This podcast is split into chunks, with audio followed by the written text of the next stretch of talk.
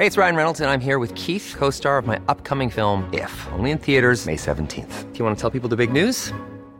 All right, I'll do. Sign up now and you'll get unlimited for $15 a month in six months of Paramount Plus Essential Plan on us. Mintmobile.com slash switch.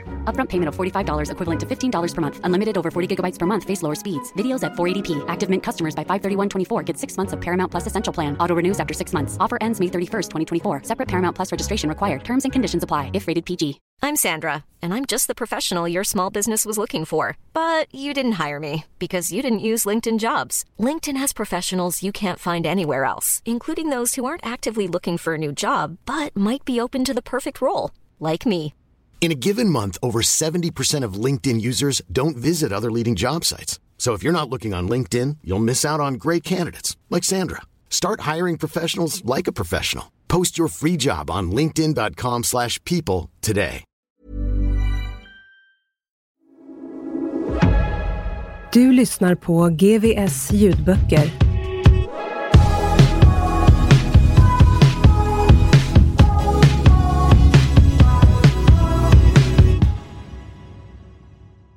Nytt kapitel. Hösten 1991 hade Danny gått in på svenska konsulatet i Las Palmas efter att ha sett sina narkotikakontakter på ön gripas av polis och själv klarat sig undan med nöd och näppe hade han bestämt sig för att det var dags att sluta. Erfarenheten och känslan från veckorna på Atahiche låg fortfarande kvar i färskt minne och det spanska rättsväsendet hade han inget större förtroende för. Danne hade i alla fall sett till att få ut de pengar som han hade innestående från den sista resan. Men när de tog slut beslutade han sig för att åka hem igen. Papperslös och i princip helt pank begav han sig till konsulatet för att be om hjälp. Ett par dagar senare hade han de papper som behövdes och hade dessutom fått låna pengar till en flygbiljett. Det var ganska skönt att komma hem igen. Trots, eller kanske på grund av, att det inte verkade ha hänt så mycket. Det mesta var precis som vanligt. Han hade dock varit borta så pass länge att han hade avskrivits från den ungdomsvård han tidigare varit dömd till. Det betydde att även om han ofta plockades in av poliser som kände igen honom från efterlysningen första gången redan när han landade vid flygplatsen så släpptes han alltid efter kortare förhör. Han kunde i princip tillbringa sina dagar lite som han ville, utan att behöva rymma från något hem. Men i slutet av året berövades Danne återigen sin frihet. Han hade gått emellan vid ett rånförsök i Femmanhuset, dragit kniven ur förövarens hand och skurit honom i ansiktet. Den nu 17-åriga Danne dömdes till två månaders fängelse för bland annat grov misshandel. Domen föll den 23 december. Anstalten Borgen låg inte långt från tågstationen mitt i centrala Vänersborg. Den gamla byggnaden hade varit fängelse sedan mitten av 1800-talet och någonstans kände Daniel att det nog skulle gå att ta sig ut. Han började planera rymningen nästan omedelbart. Vid ankomsten hade han noterat ett gallerlöst fönster på översta våningen. Det tog inte lång tid innan han hade räknat ut vilken dörr som ledde upp dit. Den låg i närheten av anstaltens gym och öppnades aldrig. Det skulle krävas en kofot och rejäl kraft för att bryta upp låset. Danne och hans medfånge Saltis arbetade med att kapa en boxerlina i olika längder och paketera den. De bestämde sig för att dra ut så mycket de kunde och linda runt Saltis mage strax innan arbetsdagens slut. Han var ganska smal och de fick ihop ett tiotal meter innan det började se konstigt ut innanför KVV-tröjan. Danne lyckades i sin tur stoppa på sig en kofot innanför ena byxbenet innan han aningen haltandes lämnade arbetet den dagen. Han visste precis var han skulle gömma deras rymningsverktyg. Den saknade kofoten uppmärksammades nästan direkt av personalen men trots noggranna genomsökningar av fängelset återfanns den aldrig. Nu gällde det att ligga lågt ett tag. När det var dags för själva genomförandet av rymningen gick en annan medfånge till gymmet och satte sig vid en av styrkelyftsmaskinerna med blicken mot dörren. Där stod Saltis som i sin tur hade kontakt med både den gymmande vännen och med Danne som stod borta vid vinstdörren med kofoten och en vikt från gymmet i högsta hugg. Han kilade in kofoten så gott han kunde vid låset och väntade på Saltis tecken. Efter att ha försäkrat sig om att han hade den andres uppmärksamhet lyfte Saltis handen Samtidigt stod vännen inne på gymmet i och lyfte upp så mycket han kunde. Saltis viskade fram orden och gestikulerade med händerna. Ett, två och...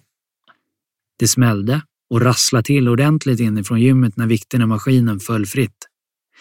Samtidigt hade Danne fått en halvträff på kofoten och nickade hetsigt åt Saltis att fortsätta. Inne på gymmet spändes musklerna igen och på Saltis signal smällde det till igen. På avstånd och med ytterligare ett par fångar som så obekymrat som möjligt höll igång de andra maskinerna var det förmodligen svårt att höra ljuden av lås som sakta men säkert gav vika. Någon personal kom i alla fall inte. Ett, två och träff. Ett, två och träff igen. Danne log brett mot Saltis och nickade uppmuntrande. Ett, två och träff. Tillfredsställelsen när han hörde den sista knäcken var stor. Men nu gällde det att hålla sig lugn och fokuserad. Danne försvann in genom dörren och uppför trappan. Saltis följde efter och ännu en medfånge såg till att skjuta igen den så gott det gick efter dem. Vindsplanet hade två fönster, ett vid varje gavel.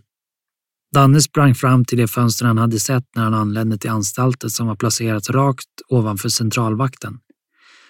Tog de sig ut här skulle det inte dröja lång tid innan de var tillbaka bakom murarna. De kilade bort till den andra sidan och tittade ut. Det andra fönstret vette rakt in mot rastgården som omgavs av höga murar. Här skulle de vara tvungna att ta sig ut. Fönstret hade inte något lås. Danne öppnade det och kände kylan komma emot honom. Han såg sig omkring i vintermörkret. Det fanns ingen direkt plan längre. Nu var det improvisation som gällde. Längs med huvudbyggnadens kortsida löpte en kant, visserligen ganska smal, men tillräckligt bred för att stå på. Vad händer? viskade Saltis, som stod med boxerlinan bakom honom Vänta. Ta det lugnt. Jag går ut först. Här, ge mig repet. Danne lindade repet över en axeln medan han började värma den kyliga, smala flyktvägen med handen för att kunna gå på den. Tofflorna fick stanna i fängelset. Han var tvungen att gå barfota. Han tog sig försiktigt ut genom fönstret och försökte hålla blicken fäst på väggen och inte tänka på gården nedanför. Han höll i fönstrets övre del medan han tryckte bröstet mot borgens yttervägg och började gnida högerfoten mot en ny bit av kanten. Det var svårt att säga hur lång tid det tog. Förmodligen rörde det sig om någon minut, även om det kändes betydligt längre. Men plötsligt var det sluttande taket inom räckhåll. Danne tog ytterligare ett steg för att vara på den säkra sidan innan han hävde sig upp. Han fortsatte mot taknocken medan han såg sig omkring för att avgöra vart han skulle ta vägen sen. Från toppen lutade han sig över kanten och såg Saltis huvud och armar sticka ut genom fönstret. Boxerlinan hissades ner och med den som hjälp följde Saltis snabbt efter Danne och vidare upp på taket. De enade snabbt om att hörnet till höger om rastgården från deras position sett var den bästa flyktvägen. De tog sig ner mot muren och gick vidare ut en bit på den. Därefter var det i princip bara rutschkana nerför taket innan boxerlinan kunde hjälpa dem de sista metrarna ner mot marken.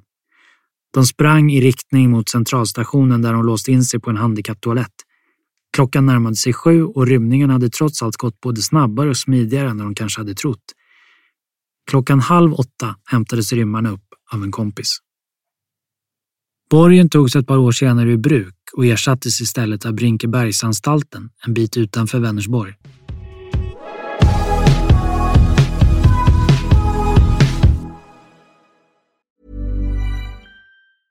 Ryan Reynolds here from Mint Mobile. With the price of just about everything going up during inflation, we thought we'd bring our prices down. So to help us, we brought in a reverse auctioneer, which is apparently a thing. Mint Mobile unlimited premium wireless. Ready to get 30, 30, bit to get 30, bit to get 20, 20, 20, bit to get 20, 20, bit to get 15, 15, 15, 15 just 15 bucks a month. So, Give it a try at mintmobile.com/switch. slash $45 upfront for three months plus taxes and fees. Promo for new customers for limited time. Unlimited more than 40 gigabytes per month. Slows. Full terms at mintmobile.com. Millions of people have lost weight with personalized plans from Noom, like Evan, who can't stand salads and still lost 50 pounds. Salads, generally, for most people, are the easy button, right? For me, that wasn't an option. I never really was a salad guy. That's just not who I am. But Noom worked for me. Get your personalized plan today at Noom.com. Real Noom user compensated to provide their story. In four weeks, the typical Noom user can expect to lose one to two pounds per week. Individual results may vary.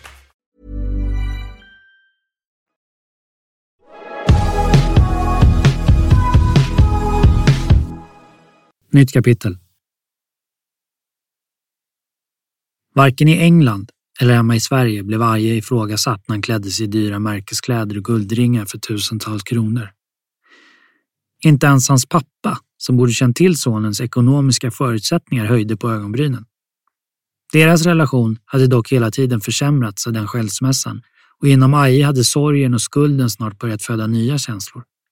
Han blev arg och hatisk. Med tiden började han se på sin familjs splittring i ett nytt ljus. Han hade tvingats välja mellan sin mamma och Göteborg och det var ett beslut som ingen 11-åring borde behöva fatta. Ansvaret la han på sin pappa och den bakomliggande faktorn blev i hans ögon pappans nya tjej. Sommaren 1993, efter att ha slutat nian, åkte Aje som vanligt och hälsade på familjen i Sheffield och Damien bestämde sig för att följa med de första veckorna. Aje tyckte det var skönt att kunna vara barn igen. Det fanns inget utrymme för det hemma längre. I Göteborg klarade han sig bäst själv, men i Sheffield fanns det vuxna som tog hand om honom. Katten Lucy kom över så gott som varje dag och han och Damien tog långa promenader i områdena kring Hardings Park och Glidless. Var det dåligt väder stannade de inne och kollade på TV eller satt vid köksbordet och skissade på nya graffitimålningar som de skulle kunna göra när de kom hem. De tillbringade även en hel del tid på marknaden där Aje stolt visade Damien hur man gjorde affärer. Men förutom smyckeshandlarna på marknaden och musikaffärerna hade Aje numera fått upp ögonen för en ny kategori butiker inne i centrala Sheffield. De som sålde styrkelyftsprodukter. Under högstadiet hade träningen i ungdomsgårdens gym blivit Ajes nya stora fritidsintresse. Våren innan han slutade nian var han där flera gånger i veckan med Orhan och Jonas. Mot slutet hade han lyckats få med Damien allt oftare. Så när Damien åkte hem från Sheffield den där sommaren hade han hjälpt Aje att bygga upp ett hemmagym i pojkrummet på Moreland Road. De hade köpt hantlar, vikter, skivstång och bänk. Även efter att Damien hade åkt tillbaka till Göteborg fortsatte veckorna att präglas av allt det där som somrarna i Sheffield brukade bestå av. En trygg familj, lugn och utrymme att vara för sig själv. Aje fortsatte att slipa sitt affärsinne i stan och hemma i radhuset byggdes sakta men säkert allt större muskler med hjälp av hemmagymmet. Livet lekte tyckte han.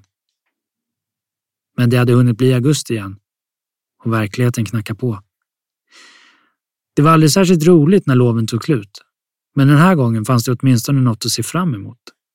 I början av sommaren hade han fått veta att han kommit in på el och telelinjen på Lindeholmens gymnasium Skolan skulle börja om en vecka och hemresan var bokad. Han lyfte luren och slog numret hem till sin pappa i Göteborg. Efter en stunds tystnad hörde han hur det gick fram signaler. Hallå? Hej pappa, det är Anders. Jag tänkte bara säga att jag kommer nästa vecka. Skolan börjar ju. Kevin dröjde med svaret. Aje skulle just fråga om han var kvar när hans pappa började prata. Nej, jag tror det är bäst du stannar i England, sa han. Här kan du inte vara. Det är inte bra för dig. Nej, jag förstod inte. Vad menar du? Jag ska ju... Du är inte välkommen, avbröt den myndiga rösten i andra sidan. Vi kan höras lite senare. Jag har inte tid att förklara just nu. Ajes tankar gick direkt till skilsmässan. Samma plötslighet. Samma vanmakt. Under det gångna halvåret hade relationen till hans pappa förändrats. Inte direkt till det bättre, men maktbalansen hade på något sätt börjat ruckas på. Det var ett par veckor efter jullovet som Aja hade kommit hem till en märkbart förbannad pappa. Aja hade inte förstått varför förrän Kevin konfronterade honom inne i hans rum med Ajes kalender i högsta hugg. Julen hade han som vanligt tillbringat hemma hos sin mamma och där lovet tog slut stod det tydligt markerat i kalendern att det var dags att åka hem Flyg, Gbg, lika med skit. Vad fan ska det betyda? Är det så du känner så är det bara att dra. Flytta till ditt jävla England då. Hans pappa skrek ut orden och i det ögonblicket hade Aje först blivit orolig. Tänk om han blev utslängd, vad skulle det innebära? Men rädslan slog nästan omedelbart över i något annat. Kevin hävde ur sig ännu en svordom och slog näven i den stereoanläggning Aja hade fått i födelsedagspresent av sin mormor samma vinter. En av de finaste presenter han någonsin hade fått. Anläggningen sprack och i samma sekund var det som om något inom Aja också sprack. Han älskade sin nya stereo. Och han älskade sin farmor. Han tog de två stegen fram till Kevin och grep tag i hans tröja. Med ett ryck slängde han in den förvånade fadern i garderoben bakom honom. Det small till och Aje tog ytterligare ett steg fram och tryckte upp honom mot garderobsdörren. Om du rör mina saker igen så skär jag sönder dina jävla Chesterfield-soffor. Fattar du? Nu var det han som skrek. Och därefter släppte han sin pappa som lämnade rummet med en mörk blick, men utan att säga något. Aje visste hur mycket hans pappa gillade sina soffor. Men det här handlar egentligen om något mycket större. Det handlar om inbördes hierarki. Om att Aje insåg att han inte längre behövde vara rädd. Hans pappa kunde inte skrämma honom längre. Och Aje hade inte heller trott att han kunde göra honom illa. Aje hade varit på dåligt humör hela morgonen när Kevin skulle komma till Sheffield. När han hörde att det knackade på dörren reste han sig hastigt från köksbordet så att stolen nästan välte. Hans mormor tittade oroligt på honom när han stampade upp på övervåningen och stängde dörren till sitt rum. Han la sig raklång på sängen och lyssnade. Han hörde dörren öppnas och sen ett dämpat, fåordigt samtal. På nedervåningen var stämningen tryckt. Kevin bar in låda efter låda i hallen utan att någon egentligen sa något. Förutom vid ett tillfälle när Ajes mormor gick ut i hallen och tittade på sin före detta svärson. How can you do this Kevin? sa hon. Hon fick bara en obekväm blick till svar innan Kevin gick ut till bilen igen. Han hade hyrt en skåpbil och fyllt den med allt som Aje skulle kunna tänkas betrakta som sitt. Varenda pinal var nedpackad och hade färdats med båten över Nordsjön till hans nya hem. Den gamla datorn, alla träningstidningar, kläder och stereon med spräckta LP-locket. Kevin såg besvärad ut. Kanske var det dåligt samvete. Kanske tyckte han att det var en jobbig och omständig resa. Efter en stund reste sig Aje från sin säng. Han gick ett varv runt rummet, tog några djupa andetag. Det var frustrerande att inte få utlopp för hatet. Hans pappa hade förstört hans liv och kört ut honom från sitt hem. Han hade så gott som kört ut honom ur sitt eget hemland. Ytterligare ett djupt andetag och sen gick han mot dörren. Han öppnade den försiktigt och lyssnade. Det var tyst där nere. Aje tassade över till sin mammas sovrum och gick bort till hennes fönster. Han såg sin pappa bära in ännu en låda i huset. Kevin var snart ute på gatan igen och stängde bakdörren på den vita skåpbilen. Utan att titta tillbaka mot huset gick han runt bilen och hoppade in. Sekunderna senare rullar bilen iväg. Vårdnaden var överskriven på Ajes mamma och alla Ajes saker var i Sheffield. Problemet var bara att han själv ville vara i Göteborg. Han gick tillbaka in till sitt rum och plockade upp de tyngsta hantlarna.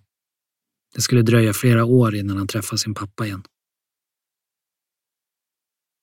Brev från Kevin till Aje den 3 oktober 1993.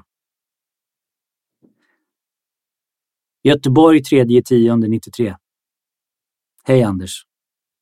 Hoppas du mår bra. Hur går det för dig? Och vad gör du? Jag har ringt några stycken och frågat efter dig. Så jag har sagt att du bor i England. Det var i augusti. Sen när alla vet har ingen ringt längre. Så jag tänker inte skaffa ett annat telefonnummer. Jo, det var en som heter Jonas. Han vill ha sin videofilm tillbaka. Det perfekta vapnet. Jag har sagt att du säkert fixar detta. Sen är jag väldigt glad för att du slipper umgås med alla dessa stollar i Göteborg. Titta vad som har hänt. Jag skickar med ett tidningsurklipp. Punkt, punkt, punkt. Har dödat en kille med kniv. Du kan vara glad att du slipper vara här bland dessa idioter. Du kan väl skriva någon gång när du känner för det? Och berätta hur du har det. Kevin. Nytt kapitel. Urklipp från tidningen Idag bifogat i brev från Kevin Berntsson till Anders Berntsson den 3 oktober 1993. 16-åringen fick ett och ett halvt års fängelse för knivdråpet. Han ska sitta i fängelse, inte vårdas. Det är Göteborgs tingsrätts dom över en 16-åring som knivdödade en tre år äldre yngling på Hisingen i Göteborg. 16-åringen kunde klarat sig från fängelse men rätten underkände socialtjänstens behandlingsplan. 18 månaders fängelse för dråp anser tingsrätten vara ett rimligt straff för 16-åringen. Det var natten till den 28 augusti som de två ynglingarna kom i bråk på Tolleredsskolans skolgård. Med sex stick av en stilett, av vilka två träffade hjärtat, dödade 16-åringen sin äldre antagonist. 19-åringen hade först gått till angrepp med ett baseballträ, men inte utdelat något kraftigt slag. Mer våld än berättigat. Visserligen tycker rätten att 16-åringen hade rätt att försvara sig, så kallad nödvärnsrätt, men att han tog till mer våld än vad som var berättigat. Han borde ha förstått att han kunde döda 19-åringen med stiletten. Visat likgiltighet för hur det skulle gå för honom. Om han skulle bli skadad eller dö, som tingsrätten skriver i domen. Normalt ska så unga personer som 16-åringen inte dömas till fängelse.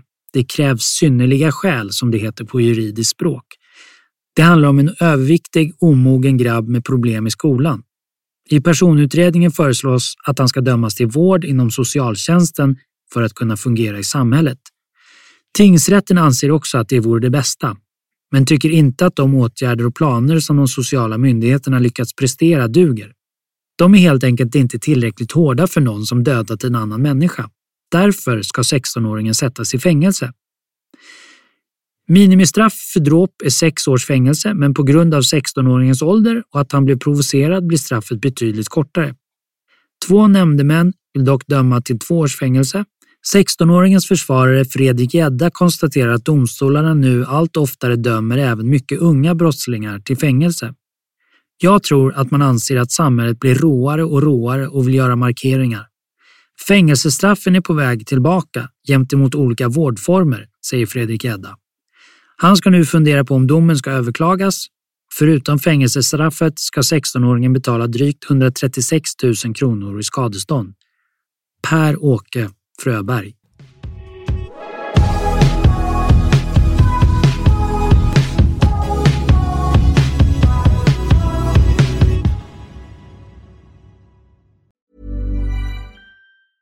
Hi, I'm Daniel, founder of Pretty Litter. Did you know cats tend to hide symptoms of sickness and pain? I learned this the hard way after losing my cat, Gingy. So I created Pretty Litter, a health monitoring litter that helps detect early signs of illness by changing colors, saving you money and potentially your cat's life. Pretty Litter is veterinarian developed, and it's the easiest way to keep tabs on your fur baby's health right at home. Go to prettylitter.com and use code ACAST for 20% off your first order and a free cat toy. Terms and conditions apply. See site for details.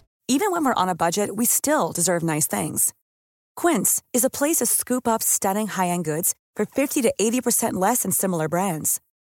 They have buttery soft cashmere sweaters starting at $50, luxurious Italian leather bags, and so much more.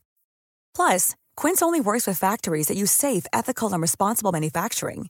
Get the high-end goods you'll love without the high price tag with Quince. Go to quince.com/style for free shipping and 365-day returns.